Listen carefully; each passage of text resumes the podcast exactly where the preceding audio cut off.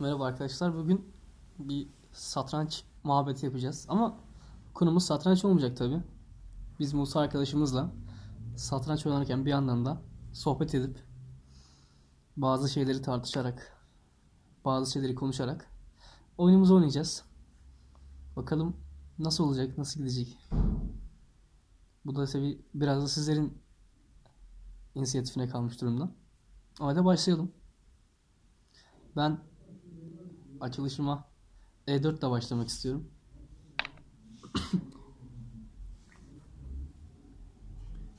Sıra Musa'da. Ben de E5 ile yanıt vereyim. Ve ne konuşalım onu bir tartışalım. Yani şimdi piyona karşı piyon. Yollarımı kapatmışsın. Peki sence dünyada yolları kapanan insanlar hemen buhrana girmeli mi? Bence ne kadar yolları kapansa da elindeki her şeyi kaybedene kadar bir denemeleri lazım. Kaybedince de denemeleri lazım. İnsanın pepe ne pepesi ya? İnsanın pes etmemesi lazım. En azından ben böyle düşünüyorum. O halde ben bu sohbetin üzerine bir at C3 hamlesini yapmak istiyorum. Şu an ne seni tehdit ettim. Yalnızca kendimi koruyorum şu an. Savunmadayım. Ben de B6 ile cevap vereyim. Şimdi O- kaleni biraz açıkta bırakmış gibi görünüyorsun. Sence insanlar bu savunmalarını, kendi olan güvenlerini veya sırlarını seni kalenin açıkta bıraktığın gibi açıkta bırakmalılar mı? Yoksa bu aslında bir aldatmaca mı? Bence bunu kimin yaptığına bağlı. Tabii bir sırrı, sır varmış gibi e, açıkta bırakıp da başka bir türlü değerlendiren insanlar tabii ki de var şu dünyada. Tabii onlar çok ayrı bir mecrada ya. Bana kalırsa insan sırrı olmaması gerekiyor. Çünkü her sır bir nevi insanın zayıf bir noktası. Her an oradan vurulabilir yani. O zaman ben de şöyle bir hamle yapayım. Fil V5.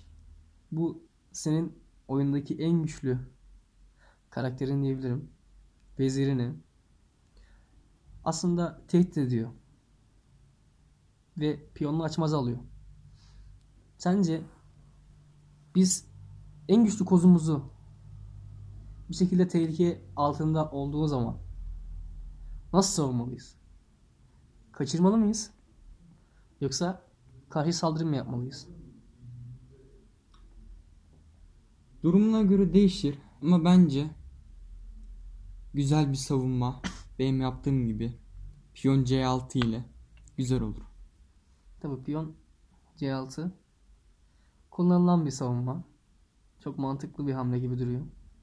Ama şimdi şöyle bir sakıncası vardır belki de bu hamlenin. Nasıl bir sakıncası vardır? Sen her ne kadar beni tehdit etmiş gibi gözüküyorsan da aslında ben belki gizli bir oyun oynuyorumdur. Fil C4 oynuyorum ben de. Ya şahsen ben senin kadar iyi satranç bilmiyorum. Sen benden çok çok daha iyi biliyorsun.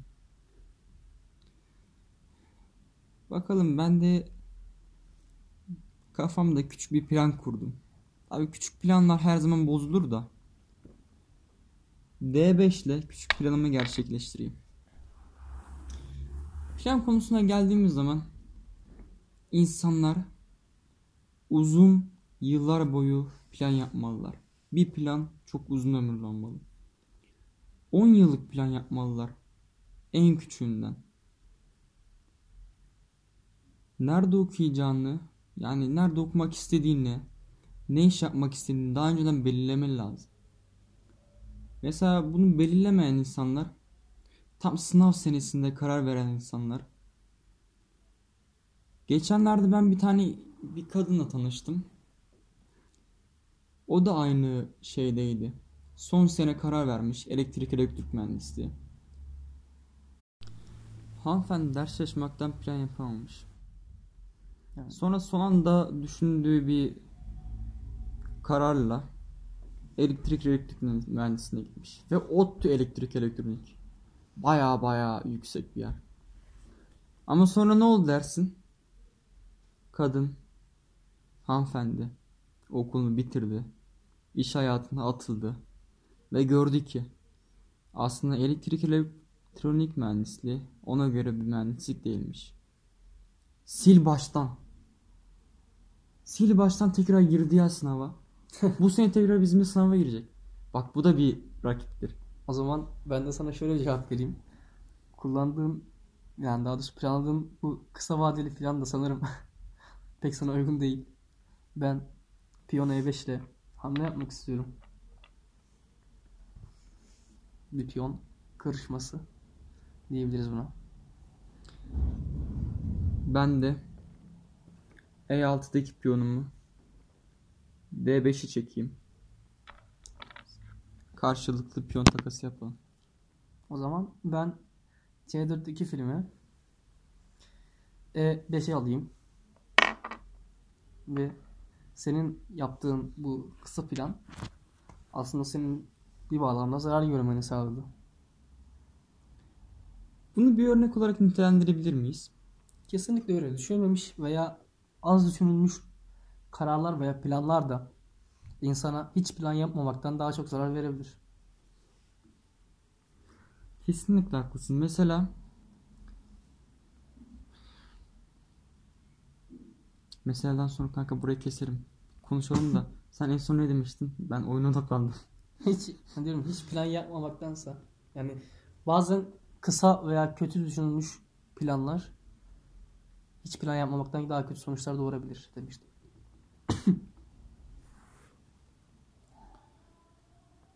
Ben o zaman B8'deki atımı C6'ya oynayayım.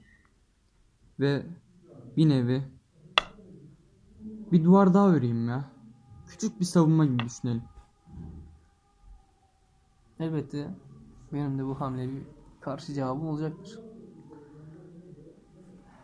Peki sence burada yani burada derken muhabbetimizi kastederek söylüyorum. İnsanlar plan yaparken hedefler koyarken neyi göz ardı ediyorlar? Veya Silerim burayı.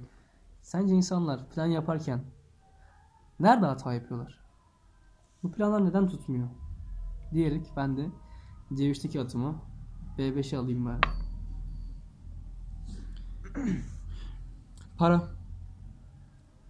En azından benim gözlemlediğimce para. İnsanlar paraya çok değer veriyor. Halbuki bu kağıt parçası para. Yani aslında para bir kağıt parçasından fazlası. Tabii bu senin bahsettiğin işin biraz felsefik kısmına giriyor. Tabii bu açıdan bakarsak doğru diye olabilirsin ama bence buradaki en önemli eksiklik para değil. Yaratıcılıktan ve özgüvenden özgün bir nesil yetişiyor ve bakarsak 40 yıl öncesine 30 yıl öncesine 30 yıl önce 40 yıl önce yetişmiş nesil de zaten özgüvensiz, kırık ve nasıl söyleyeyim sana bir buhran altında yetişmiş bu nesil. Ben bu soruna C8'deki filmi B7'ye oynayarak şöyle bir cevap vereyim. Özgüven kişiden kişiye değişen bir mevzu. Yani insanın karakterinde olması lazım özgüven. Tabi daha sonradan kazanabilir mi? Kazanabilir. Ama ne kadarını kazanabilir? Ben başta dediğim gibi para ya. Benim ilk cevabım para. Ve bunu açıklamak istiyorum sana. İnsanlar para için kendi hayallerini satıyor şu dünyada. Ama böyle olmaması lazım. Para dediğimiz şey bir kağıt parçası. Ama para emek ile doğru ilişkili. Ne kadar emek verirsen o kadar para elde edersin. Bunun bir de kat sayısı var. O ne peki? Hadi düşün ya bu katsayı ne olabilir? Bence yani bu devirde paranın kazanılmasından bahsediyorsan katsayı olarak nitelendirmek gerekirse bu katsayı çok çok büyük ihtimalle kolay para kazanma yöntemlerinden geçiyordur yani. Tabii kolay para kazanmak da aslında sanıldığı kadar kolay değil. Ben hak veriyorum. bu konuda hani daha önce pek düşünmemiştim. Çünkü planlarımda hep hani kolay para kazanmak yoktu. Nasıl yoktu? Emek taraftarıyım ben. Her zaman emekçi olmayı insanlara tavsiye ederim. E, yanlış anılmasın burada farklı bir siyasi bir görüş yok kesinlikle. Ama benim kendi şahsi görüşüm bu. Emek ben emekçinin yanındayım. Kolay para kazanmak bence tamamen tüketime yönelik. Yani sen tüketime yönelik bir ekonomide veya bir çevrede ne kadar insanların tüketmesini, tüketmesini sağlarsan o kadar fazla kolay para kazanırsın. Özellikle bu çağda yani. Ve ne kadar fazla para kazanırsan o kadar fazla para harcarsın. Bunun üzerine ben de şöyle bir gelişim hamlesi yapayım. D2'de, D2'deki piyonumu D3 üstüne alayım. Ve seni düşünmeye davet edeyim biraz. Tabii ben bu senin dediğini daha önce hiç düşünmemiştim. Benim aklıma şahsen senin bu dediğin şey hiç ama hiç gelmedi. Benim aklıma şöyle bir şey geldi. Arz talep. Emeği parantez içine alırsak üstüne arz talep yazabiliriz. Benim şahsi görüşümce. Son zamanlarda şöyle bir şey diyorlar. Makine mühendisleri iş bulamıyor, iş bulamıyor. Çok az para kazanıyor falan diyorlar. Ama işte burada arz talep meselesi çok önemli. Bir işi ne kadar az kişi biliyorsa o işten kazanılan para o kadar değerlidir. Kesinlikle bu görüşüne katılıyorum. Ee, yani neden aslında böyle oluyor? Neden böyle oluyor? Bir bağlamda aslında bu olmak zorunda. Çünkü yani eskisi gibi değil artık sistemler. Şu an sen eline mesleğini aldığın zaman kusura bakmayın rahat bir yaşam sergileyemiyorsun. Her zaman ama her zaman insanlar senin nasıl anlatsam aslında insanlar senin kolay paranı kazanmanı da istemezler. Çünkü ekonomi budur aslında. Kolay para kazanmak ekonomide yoktur. Neden yoktur? Çünkü hani mesela mesela ben şu an hastayım. Bu hastalık neden kaynaklı? Kuvvetli muhtemel bakteri veya bir virüsten kaynaklı. Para kolay para kazanmak da aslında ekonomilerde bir anlamda bakteri veya virüs gibi nitelendirebiliriz. Bu aslında şöyle düşünmek gerekiyor. Bunun da farklı şeyleri, çeşitleri var. Farklı yordamları var. Nasıl var? Yani kolay para kazanmak senin dediğin gibi aslında bir açıdan da arz talep meselesi. Fakat artık çağımızda kolay para kazanmak neredeyse tamamen illegal yollara dönüşmüş. Özellikle bizim coğrafyamızda. Bunu söylemekten de çekinmiyorum.